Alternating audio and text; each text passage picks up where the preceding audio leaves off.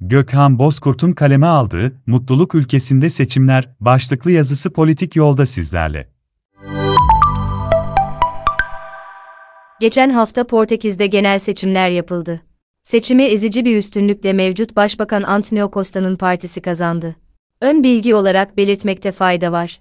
Portekiz bizim beğenmediğimiz eski sistemle devam ediyor. Ülkede cumhurbaşkanı var ancak yürütme görevi başbakan ve parlamento içinden seçtiği kabinesine ait. Antonio Costa'nın partisi oyların %41'ini alarak 117 milletvekiliyle tek başına iktidar oldu. Merak edenler için Costa'nın partisi sosyalist bir parti. Sadece eğilim olarak değil, ismiyle cismiyle programıyla tam bir sosyalist parti. Partisinin resmi adı Partido Socialista. Seçimden zaferle çıkan ikinci parti Sosyal Demokrat Parti. Meclise giren diğer partiler ise Sol Cephe, Komünist Partisi, Liberal Parti, Hayvanlar ve Doğa Partisi, Ekolojik Sosyalist Parti. Anlayacağınız üzere ülkemizde eksik olan bütün partiler Portekiz'de meclise girdi. Batı'nın ilmini mi ahlakını mı alırız bilmem ama siyasi çeşitliliğini alırsak hiç fena olmaz. Siyasi çeşitlilik kadar siyasi hoşgörü de önemli. Ülkenin Başbakanı Antonio Costa görev süresi boyunca hiçbir vatandaşına karşı hakaret davası açmadı. Devlet televizyonunda her partiye eşit süreyle kendilerini ifade etme şansı tanındı. Seçim sürecinde başbakan dahil, her partinin genel başkanı diğer parti genel başkanları ile canlı yayında açık oturumlara katıldılar. Antonio Costa ben başbakanım, muhatap almam demedi. Her davet eden siyasi parti lideriyle televizyonda buluştu. Hatta bu canlı yayınlanan açık oturumlarda moderatör başbakanı süresi bittiği için birkaç defa susturdu ve sözü rakibine verdi.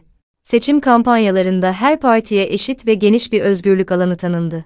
Üyesi olduğum Liberal Parti şehirlerin en işlek yerlerine mevcut başbakanı hedef alan billboard posterleri astırdı. Hiçbirisi polis tarafından engellenmedi. Rakip parti taraftarları tarafından yırtılmadı. Hatta bu posterlerde mevcut başbakanı makyajlı host kılığında bile gösterdik ancak hiçbir karşı yaptırım ile karşılaşmadık. Aşağıda başbakanın karikatürünü kullandığımız birkaç örnek gösteriyorum. Sonuçta Antonio Costa ezici bir üstünlükle yine kazandı.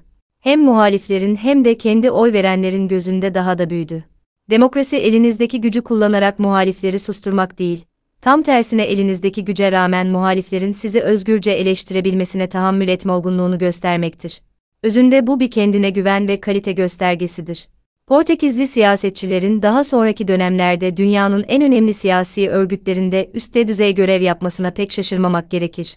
UNESCO'dan NATO'ya birçok isim sayabilirim ancak mevcut Birleşmiş Milletler, UN, başkanının Portekiz'in eski başbakanlarından Antonio Guterres olduğunu hatırlatmak yeterli olacaktır.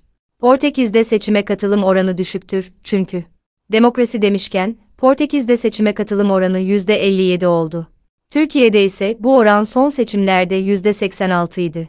Türk demokrasisi adına bu elbette ki olumlu bir gelişmedir. Bu bağlamda Portekiz'den daha iyi bir konumda olduğumuzu kabul edebiliriz, ancak demokrasinin sadece seçimden ibaret olmadığını da hatırlatmak gerekir. Demokraside seçim başlangıçtır, bir son değil.